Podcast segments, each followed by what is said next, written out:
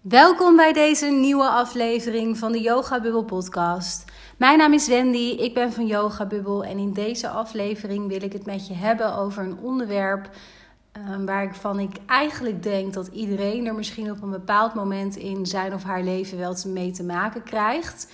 Maar het is zeker ook een thema wat in mijn eigen leven nou, best wel veel heeft gespeeld. Door de jaren heen, maar zeker de afgelopen jaren ook. En het is absoluut ook een onderwerp wat eigenlijk zonder uitzondering aan bod komt in ja, mijn één op één coachingstrajecten met de dames die ik daarin dus mag begeleiden. Omdat daarin eigenlijk altijd zonder uitzondering een enorme groei wordt doorgemaakt door de vrouwen zelf. Ehm, en dat heeft onder andere als consequentie, en dat is dus het onderwerp van deze podcastaflevering, dat ze op een andere golflengte, op een andere frequentie komen te zitten, als het ware, waardoor ze ook de connectie met de omgeving um, in bepaalde gevallen een beetje beginnen te verliezen. Dat klinkt trouwens, nu ik dit zo hardop zeg, een beetje negatief en een beetje eenzaam. En dat kan een groeiproces zijn, want daar wil ik ook niet, dat wil ik ook niet mooier maken dan het is. Het is het altijd maximaal waard, kan ik echt vanuit mijn eigen ervaring zeggen. Maar een groeiproces is per definitie soms een beetje eenzaam, omdat het is ja, omdat het zeg maar jouw groei is. Jij maakt jouw groei door en dat kan niemand anders voor je doen. Mensen kunnen er voor je zijn, mensen kunnen met je praten. Je kunt uh, op een schouder uithuilen als dat nodig is, uh, wat dan ook. Hè. En dat is allemaal heel erg fijn en waardevol. Maar uiteindelijk ben jij de enige die door dit proces heen gaat op jouw eigen manier. En zul je de dingen uiteindelijk ook alleen moeten doen in die zin. Dus dat kan nog wel eens voor een bepaald gevoel van eenzaamheid ook zorgen. Maar dat is niet um, zeg maar de invalshoek vanuit waar ik deze aflevering nu wil opnemen. Omdat het voor mij niet zozeer gaat over dat je eenzamer wordt door zo'n groeiproces. Omdat je dus niet meer op dezelfde golflengte zit. Uh, maar het gaat er meer om, want zo kijk ik daarnaar persoonlijk. En dat is ook mijn eigen ervaring in mijn persoonlijke leven geweest. Dat er soms eerst wat leegte of wat ruimte moet komen in je leven. Juist om ook voor nieuwe mensen ja, plek te hebben in jouw leven, als het ware. Hè? Mensen die vanaf het moment waar je nu misschien bent in je leven, waar je nu staat, wel met je resoneren. En ja, dat zijn mensen waar je misschien vroeger nou, dat niet mee had gehad. Hè? Dat kunnen mensen zijn die al in jouw leven zijn, misschien wat verder weg zijn geweest en in één keer veel dichterbij komen, of compleet nieuwe mensen. En als iets gevuld is, dat geldt voor alles in het leven, als, als de ruimte zeg maar letterlijk en figuurlijk gevuld is, dan kan er natuurlijk niets bij.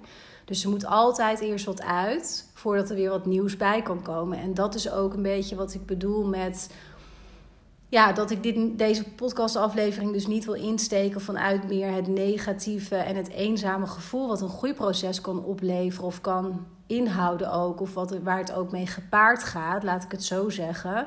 Maar dat het voor mij ook veel meer een soort van kans is dat er weer meer ruimte mag komen voor nou ja, nieuwe dingen, voor nieuwe mensen, voor ehm, mensen die resoneren met deze versie van jou, waar jij nu staat. En dat dat eigenlijk een heel natuurlijk iets is en dat het vaak onze eigen weerstand is die we daarop hebben. Uh, de controle die we ergens over denken te moeten hebben, de grip waarvan we voelen dat we die verliezen. En dat dat eigenlijk maakt dat we daar een bepaalde nou, negatieve lading aan geven, terwijl dat dus helemaal niet hoeft te zijn. Want wat er eigenlijk gebeurt, hè, als jij zelf, misschien heb je dat zelf ook al wel meegemaakt, of zit je er op dit moment middenin, of je beluistert dit, misschien omdat je ja, aan de vooravond staat van, van een bepaald groeiproces, dat je dat al voelt opkomen als het ware. Hè? Want dat gaat vaak ook in stapjes. Soms gaat het heel acuut hoor, maar het gaat heel vaak ook in kleine stapjes.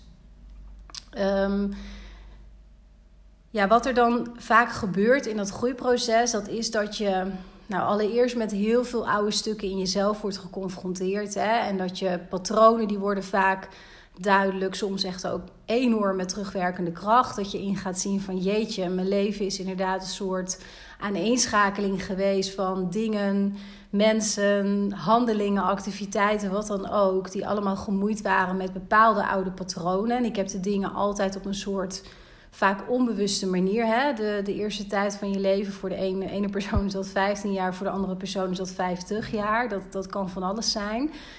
Um, groei is ook in die zin niet aan leeftijd gebonden, denk ik. Ehm, maar het is heel vaak zo dat je een heel groot deel van je leven eigenlijk onbewust de dingen gedaan hebt zoals je ze gedaan hebt. Omdat je dus op een dieper niveau, hè, op, de, op, het onbewuste, op de onbewuste laag, ehm, als het ware gestuurd geweest bent door oude patronen, door overtuigingen. Ehm, vaak heel beperkend, die je zelf ook helemaal dus niet door hebt gehad. Maar dan in één keer gebeurt er vaak iets in je leven. Hè? Dat is vaak een bepaalde mate van crisis. Dat hoor je mij misschien wel vaker zeggen als je deze podcast vaker beluistert. Heel vaak gaat zo'n groeiproces gaat echt gepaard met dat, je, dat dat start bij een bepaalde crisis. Er is altijd een bepaalde verschuiving nodig. Er moet vaak iets gebeuren waardoor je ja, gedwongen wordt als het ware om stil te gaan staan. Hè. Dat kan letterlijk zijn omdat je ziek wordt of omdat je een burn-out krijgt of nou ja, oververmoeid bent. Maar het kan ook wat meer figuurlijk zijn, overdrachtelijk. Dus bijvoorbeeld dat je relatie in één keer beëindigt of jij beëindigt die relatie of... Ehm, uh, het kan zijn dat je ontslagen wordt. Het kan zijn dat er een sterfgeval in, in je omgeving plaatsvindt. Iemand die dichtbij staat. Nou, dat zijn voorbeelden van crises natuurlijk. Die dan maken dat je wordt gedwongen om stil te gaan staan. En echt in één keer vaak met terugwerkende kracht je afvraagt: wie ben ik eigenlijk? Waarom doe ik die dingen zoals ik ze doe? En wat zegt dat eigenlijk over mij? En waar word ik blij van in mijn leven? Heel vaak hebben we echt zo'n dal, zal ik bijna willen zeggen, echt nodig om tot die vragen te komen. Want tot die tijd loop je gewoon door en is alles misschien wel prima. En ja, heb je gewoon nog niet zo de noodzaak om dat soort vragen aan jezelf te gaan stellen. Dus ehm, dat allereerst even gezegd hebbende. Maar wat er dan vaak in dat proces gebeurt, is dat je als je dat allemaal aangaat en aankijkt, en zo heb ik dat persoonlijk ook ervaren, dan ga je gewoon onherroepelijk oude patronen echt loslaten. En dat gaat niet van vandaag op morgen, uiteraard niet. Een van mijn hele oude, meest hardnekkige patronen is bijvoorbeeld. Um, nou ja, dat ik de neiging heb om te pleasen. Die neiging heb ik op dit moment natuurlijk niet meer. En ik zeg natuurlijk omdat um, ja, dat voor mij ondertussen dus echt als natuurlijk voelt. Omdat dat, ja, pleasen, dat voelt voor mij nu zo tegen natuurlijk. Zo niet kloppend bij wie ik ben, bij hoe ik wil leven, bij het voorbeeld wat ik wil zijn, bij um, ja, gewoon de vrouw die ik nu ben. Maar een paar jaar geleden was dat echt anders. En um, had ik er eigenlijk al 30 jaar op zitten van extreem please gedrag, wat ook voor mezelf heel, hele ongezonde vormen aan had genomen. Met hele toxische relaties die ik aantrok. Nou ja, er zat van alles omheen. Dat is uh, voor, voor een andere podcast. Of beluister een van mijn eerdere podcasts, waarin ik daar ook uitgebreid over deel. Maar toen ik dat, dat groeiproces door mijn eigen persoonlijke crisis, zeg maar, instapte en er heel bewust voor koos: oké, vanaf hier ga ik mezelf op één zetten. Vanaf hier Ga ik naar binnen keren? Ga ik de onrust in mezelf aankijken? Ga ik geduld met mezelf opbrengen? Ga ik heel veel praten, vooral heel veel schrijven, heel veel reflecteren, heel veel stilte opzoeken, met mezelf zijn. Want um, ik wil mezelf gewoon beter leren kennen. Want waarom ben ik op dit punt uitgekomen? Hoe kan het zijn dat er eigenlijk steeds in een ander jasje steeds weer de terugkerende dingen in mijn leven komen. Hè? Dat me steeds weer dezelfde dingen als het ware overkomen. Dus echt hardnekkige patronen waar ik van af wilde. Nou, dat maakte dat ik dus gaandeweg dat proces steeds meer begon te experimenteren en begon te oefenen. Om het even praktisch te houden met bijvoorbeeld het pleasen. Dat ik steeds meer mijn eigen grenzen begon aan te geven. En steeds meer echt alleen maar ja zei als ik ook een ja voelde. Of mezelf de ruimte gaf om tegen iemand die iets van mij vroeg te zeggen: daar moet ik even over nadenken, ik kom er even op terug. Waar ik vroeger dan meteen gewoon ja had gezegd, bijvoorbeeld. Maar ik ging ook uh, richting mensen die best wel dicht bij mij stonden in mijn leven op dat moment. Ja, heel heldere grenzen stellen, omdat deze personen zelf heel dominant waren en zijn. En het nodig hebben, weet ik ondertussen, dat je heel stellig je grenzen aangeeft. Omdat ze dat gewoon anders niet horen, niet luisteren, niet zien. Um, dat, dat leidde uiteindelijk natuurlijk uh, tot enorm veel conflict. Omdat deze personen waren ook een versie van mij gewend, 30 jaar lang, die dus altijd haar grenzen had genegeerd. Ze ook niet had gesteld, altijd maar ja zei, et cetera. Dus die mensen hadden ook even tijd nodig om aan een nieuwe versie van Wendy eigenlijk te wennen. Hè? En dat mag ook, dat kost tijd. En ik had ook het vertrouwen van, nou, als ik dit maar gewoon blijf volhouden, blijf doen, want ik weet dat dit veel beter voor me is, gezonder voor me is. En ja, ik voel me nu even schuldig, maar daar moet ik even doorheen. Dat zei ik de hele tijd tegen mezelf. En op een gegeven moment uh, merkte ik dus dat het gedrag van die betreffende personen echt begon te veranderen naar mij. Ze begonnen met meer respect met mij om te gaan, omdat ik zelf met respect met mij omging. In die zin is de buitenwereld natuurlijk ook altijd een spiegel van jezelf. Alleen wat er daarna gebeurde, was dat ik ook merkte dat ik steeds, als het ware, op een nieuw plateautje in mezelf, ik kan het niet zo goed anders verwoorden, maar dat ik als het ware het ervaarde alsof dat ik steeds op een ander plateau weer terecht kwam, waarin ik nog weer nieuwe inzichten over mezelf kreeg, of toch nog weer anders tegen dingen ging aankijken. En dan liep ik daar een poosje rond op dat plateautje, om maar zo te zeggen. En dan was gewoon allemaal rustig en prima en voelde ik me heel erg goed. En dan, hop, dan maakte ik weer een sprong in mijn eigen ontwikkeling, in mijn eigen groei. En hoe meer van dat soort sprongetjes ik maakte, die voor mijzelf, hè, want laat ik dat vooropstellen, voor mijzelf extreem goed voelde. En ik merkte dus aan heel veel dingen dat ik veel meer rust had, veel lekkerder in mijn vel kwam te zitten. Uh, al mijn vage lichamelijke klachten die verdwenen geleidelijk aan, echt als sneeuw voor de zon. En heb ik tot op de dag van vandaag ben ik die helemaal kwijt. Terwijl ik jarenlang bijvoorbeeld heel veel darm- en maagproblemen heb gehad. Um, dus ik voelde me eigenlijk daar super goed bij. Alleen ik merkte ook dat met name, en dan ga ik dus nu even inzoomen op mijn vriendschappen. Want op dat moment was ik, ehm, was ik al gescheiden en was ik al alleen. Dus voor mij was het in de romantische betekenis niet zoveel. Um, ja, gaat het voor mij niet zozeer uh, over een relatie in de romantische betekenis van het woord. Maar in mijn vriendschappen merkte ik dat zelfs met vriendinnen die ik dus al echt heel veel jaren kende, waarmee ik ook gewoon was opgegroeid ten delen, dat ik daarmee langzaam de connectie begon te verliezen. Uh, omdat zij ervoor kozen en kiezen, vandaag de dag nog steeds. Dus dat heb ik destijds ook wel goed aangevoeld. Uh, maar dan kom ik zo even iets dieper, ga ik daar iets dieper op in Um, zij kozen en kiezen ervoor om de thema's, de patronen, de overtuigingen, nou de regie eigenlijk ook over hun leven echt helemaal uit handen te geven en dingen echt niet aan te kijken. Hè, dus um, zonder dat ik daar dat heel veroordelend bedoel, maar puur even objectief vanuit de zijlijn beschouwd, um, was daar heel veel sprake van slachtofferschap. Um, dus heel erg jezelf een slachtoffer voelen van omstandigheden, van andere mensen die keuzes voor jou maken, of van een gezinsleven wat, um, ja, wat je helemaal beperkt in, in uh, het vrouw zijn, in je eigen keuzes maken, et cetera. En in, in maar in een ellendige baan blijven hangen, omdat je jezelf blijft verschuilen achter allerlei argumenten. Terwijl het eigenlijk gaat over dat je gewoon bang bent om de sprong te maken. Wat heel logisch is. Heel logisch. Ik snap dat ook echt als geen ander.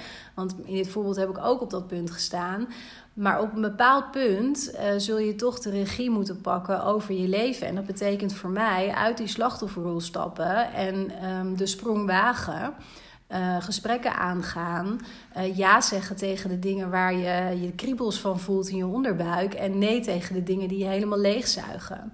En als je dat niet bereid bent om te gaan doen, dan is dat natuurlijk ook helemaal oké. maar dan heb je ook te accepteren dat je leven dus niet verandert.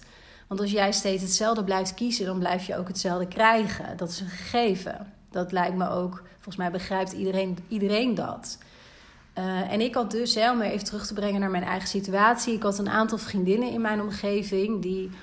Um, nou, moet, ja, moet ik eventjes ook wat achtergrond misschien erbij. Ik, ik zeg een aantal, maar ik, heb nooit, ik ben nooit van grote groepen geweest. Ik heb altijd een handjevol hele goede vriendinnen gehad met wie ik, nou, met een aantal nog steeds is dat zo.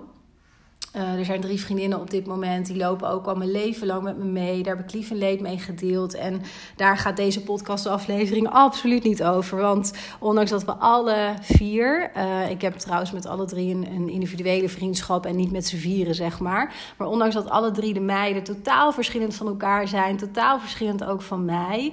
Um, zijn het ook alle drie meiden die um, op hun eigen manier.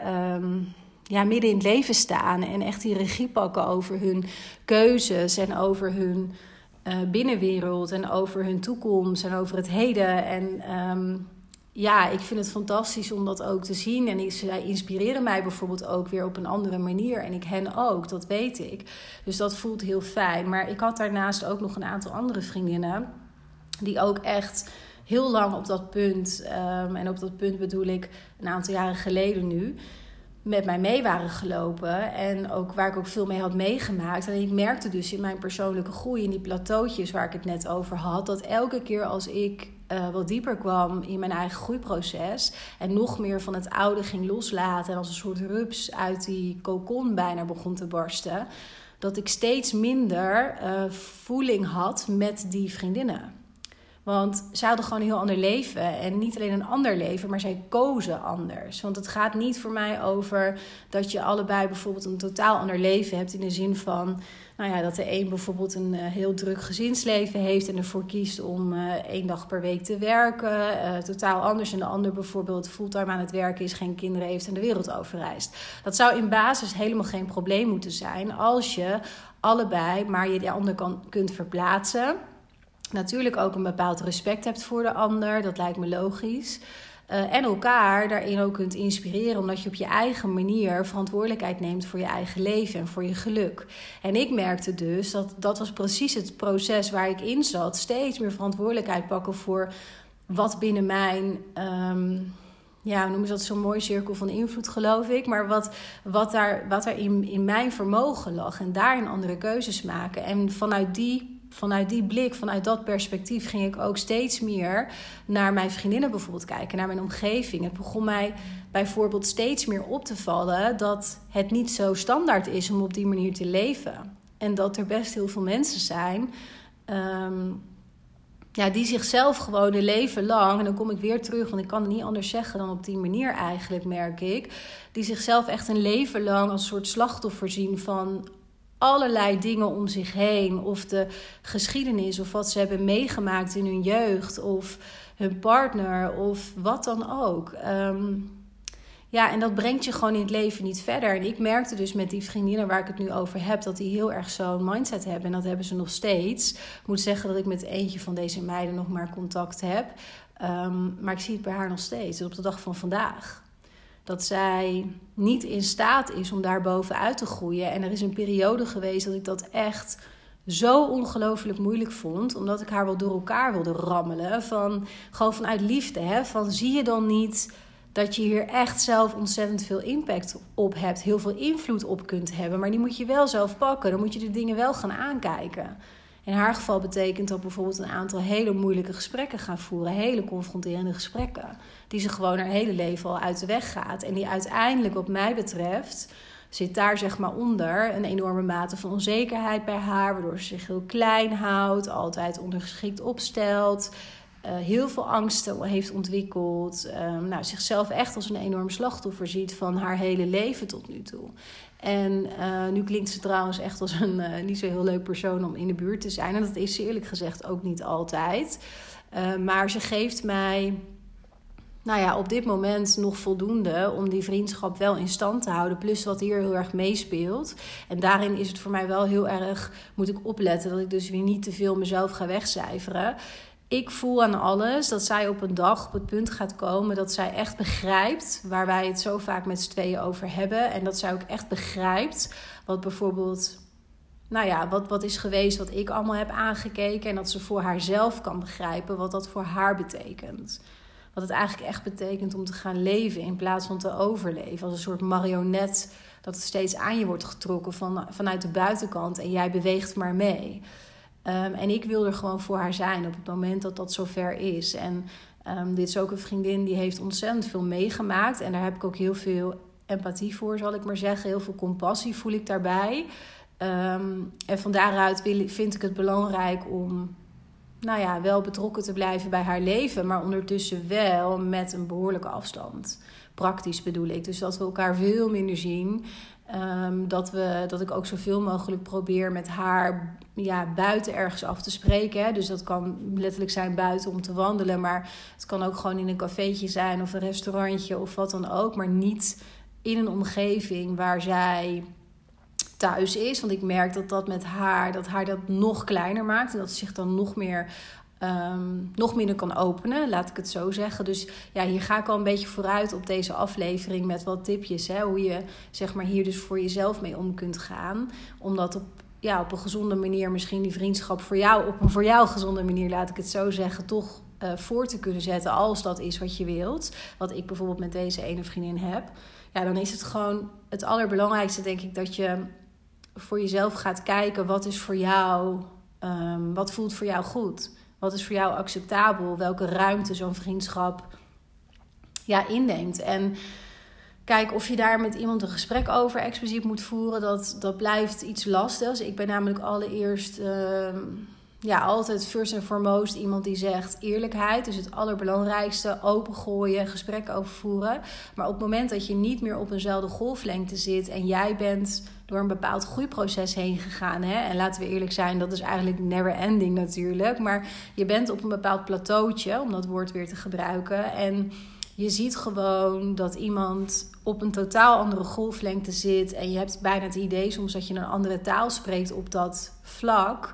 Ja, dan kun je natuurlijk blijven praten in het Chinees. Maar als die ander Arabisch spreekt, dan ga je elkaar toch niet begrijpen. Dus, en omdat die persoon niet vanuit haar plateau naar jou toe kan bewegen. Hè, want dat heeft dus met die groei te maken. Dat je eerst stuk in jezelf aan moet kijken.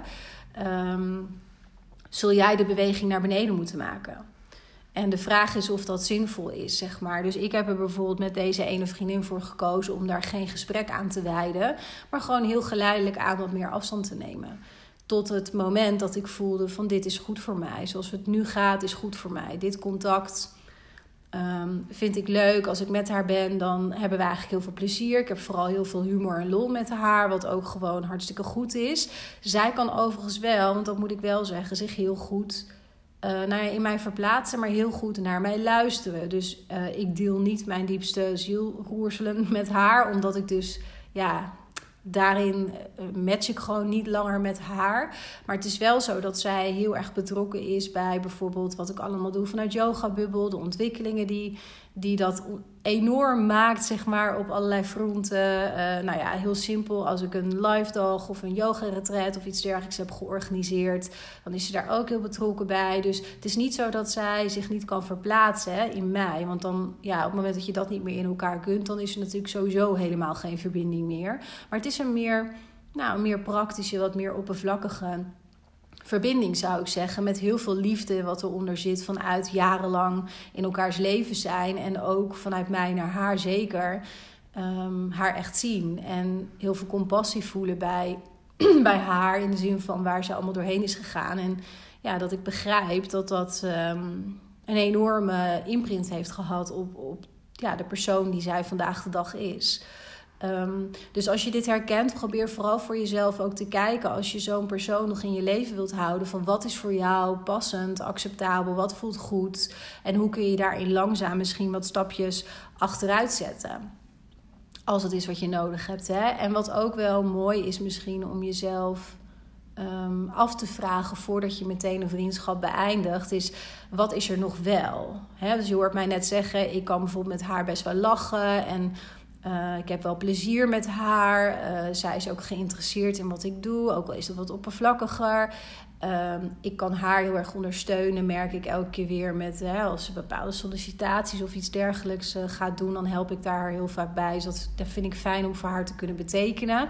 Dus je kunt ook kijken van wat is er nog wel en is dat voor mij genoeg? Want je hoeft ook niet uit elke vriendschap alles te kunnen halen natuurlijk. Hè, de drie meiden waar ik het in het begin over had, dat, dat, ja, dat zijn twee oude vriendinnen en de derde is mijn nichtje, die voor mij echt als een zus is.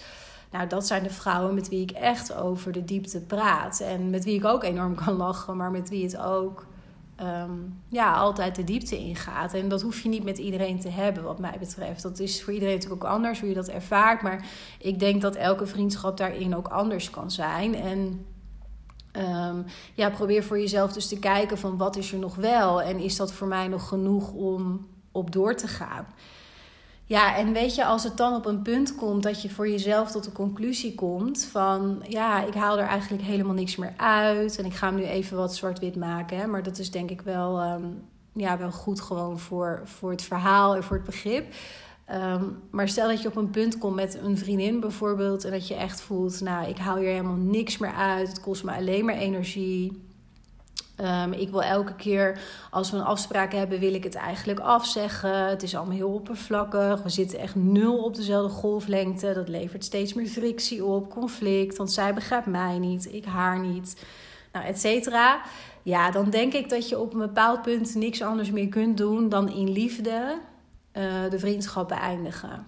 En ik zeg in liefde, want daarmee bedoel ik met heel veel liefde en dankbaarheid uh, voor wat er is geweest tot dat punt. Want waarschijnlijk ben je al jarenlang met zo iemand bevriend. En is dat ook überhaupt de reden dat je het nog zo lang ergens hebt volgehouden? Omdat we natuurlijk ja, heel vaak, dat hoor ik ook vaak van mijn uh, coachklanten: van ja, maar zij, uh, ik ben met haar opgegroeid. Ik ken haar ouders, zij kent mijn ouders. En ik kan dat toch niet maar zo aan de kant gooien.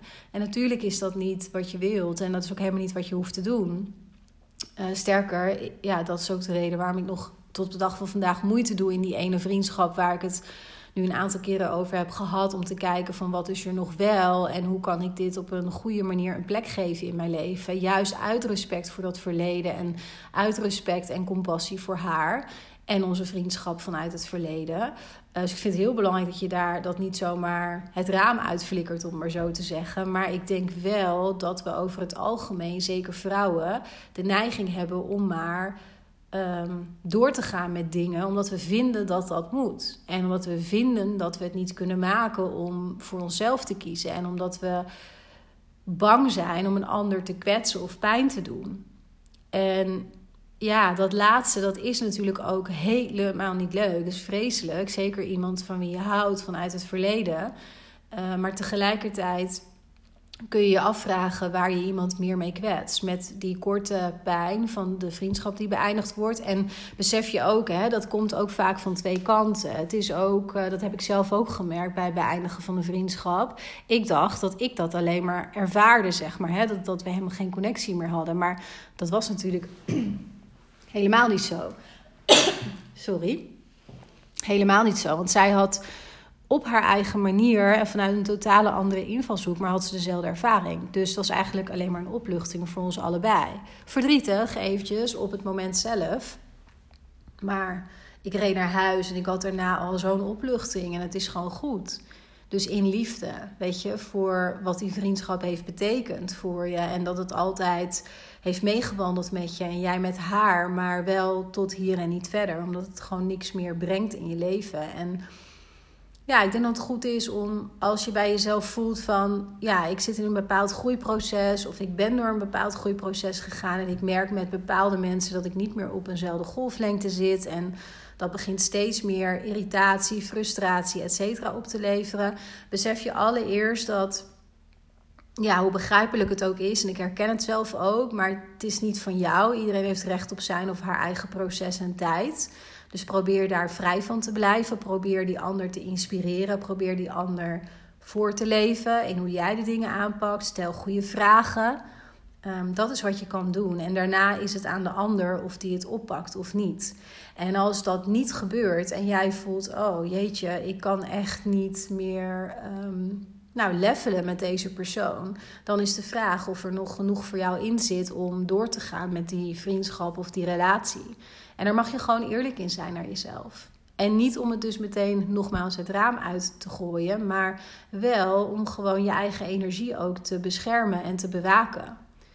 En waar ik deze podcastaflevering ook mee startte, hè, besef je ook altijd iets wat gevuld is, in elke vorm, letterlijk en figuurlijk. Daar is geen ruimte voor iets nieuws. Voor iets nieuws wat misschien veel beter bij je past of beter bij je resoneert in waar je nu staat in het leven. Dus op het moment dat een vriendschap, dat je die gaat beëindigen in liefde nogmaals. En je hebt je best daarvoor gedaan en die ander ook. En het werkt niet langer. Je zit niet meer op dezelfde golflengte. Laat elkaar in liefde gaan. En je zult merken dat je ook weer andere mensen gaat aantrekken. Die op datzelfde plateau staan als jij. Of misschien wel nog op een, en dat is niet beter wat ik nu ga zeggen, maar op een hoger plateautje. Waar jij weer heel veel van kunt leren. Of waar jij enorm geïnspireerd door raakt. In plaats van dat het voor jou voelt dat je iemand ja, een beetje aan het meezeulen bent, meesleuren bent. Want belangrijk ook om je te beseffen in dit soort situaties en in groeiprocessen, je kunt echt nooit meer terug. Dat is echt helemaal mijn ervaring. Als je kunt zeg maar 30 jaar, zoals ik dat heb ervaren, 30 jaar relatief onbewust leven. Niet doorhebben welke patronen je hebt, welke overtuigingen. Hoezeer dat, dat mij ook, zeg maar, hè, maar dat zie ik hier ook keer ook terug bij, bij andere mensen, andere vrouwen. Hoezeer je dat ook onbewust kan sturen en leiden in de keuzes die je maakt in je leven. In hoe je je voelt, in hoe je je gedraagt. Um, en ineens gaat dan door een crisis of iets dergelijks, word je stilgezet. En dan gaat op een gegeven moment de lamp aan, zeg ik altijd. Dan staat het in het licht en ervaar je bijvoorbeeld shit. Ik, ja, ik ben een enorme pleaser, zoals in mijn geval. En ja, ik heb enorm toxische relaties aangetrokken. Ehm, en ja, ik, ik heb een enorme uh, bindingsangst. En ik verbind eigenlijk helemaal niet. En nou ja, al die dingen die bij mij zeg maar speelden. En dan gaat het licht aan en dan kun je nooit meer terug. En dat geldt ook voor vriendschappen. Als je die groei zeg maar doormaakt, als dingen je duidelijk worden, dan kun je ze niet meer wegstoppen. Dat gaat niet. Dat, dat vraagt zo ontzettend veel van jouw wilskracht en um, ja, weer naar je hoofd gaan en dat allemaal weer wegstoppen. En dat kun je misschien heel tijdelijk. Dat zie ik ook sommige vrouwen wel eens doen, bijvoorbeeld in de, in de coachingstraject. dat ze dan toch denken, nou ja, maar ik, uh, ik ga toch nog even proberen om hier een succes van te maken. Ook al weet ik al lang dat het aan, bij mij aan alles appelleert wat voor mij eigenlijk niet gezond, goed of um, nou ja, de toekomst is. Maar dan gaan ze toch nog even proberen en dat is prima. Want je moet uiteindelijk zelf uh, een bepaalde peace of mind ergens mee hebben natuurlijk. Maar als je eenmaal weet hoe dingen in elkaar zitten, als je inzicht in jezelf hebt en nou ja, die groei zeg maar aangaat of aan bent gegaan, dan kun je gewoon nooit meer terug. Die geest kan niet meer in de fles. En dat is ook wel goed, denk ik, om je te beseffen als je het dus hebt over mensen die niet meer op dezelfde golflengte zitten met jou.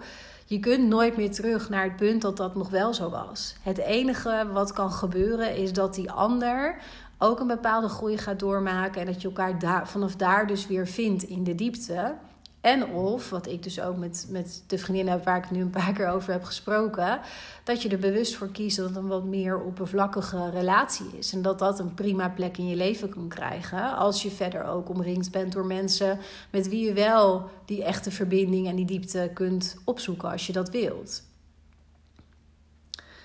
Nou, ik hoop dat uh, deze aflevering je een beetje um, heeft geholpen, een beetje hard onder de riem heeft gestoken als je in zo'n situatie zit, hè, die ik hier dus heb uh, besproken en geschetst.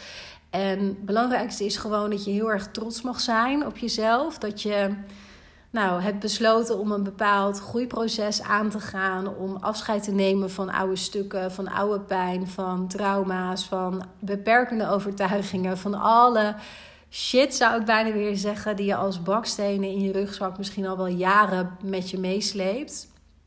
Mag je gewoon heel trots op zijn, want daar is echt moed voor nodig. Dat weet ik ook uit eigen ervaring. En blijf lopen. Weet dat dit ook ja, de weg is. En dat jij het recht hebt om jouw leven te leven. Omringd door de mensen die jij graag om je heen wilt. Die jou voeden, die je inspireren, die je opvangen, die je omarmen. Gewoon de mensen waar jij ja, eigenlijk dat allemaal uit kunt halen. En je hoeft niet alles nogmaals uit een individu te halen. Je kunt ook bij de een dit halen en bij een andere vriendschap heb je weer meer dat of in een andere relatie. Maar wees je daar bewust van dat je daar dus ook echt een keuze in hebt. En dat je ten alle tijde daar een andere keuze in mag maken. En pak die ruimte voor jezelf. Hoe moeilijk dat ook even in het moment is. Nou, dankjewel voor het luisteren in elk geval. Ik wens je voor nu een fijne dag toe. Um, en wie weet tot later.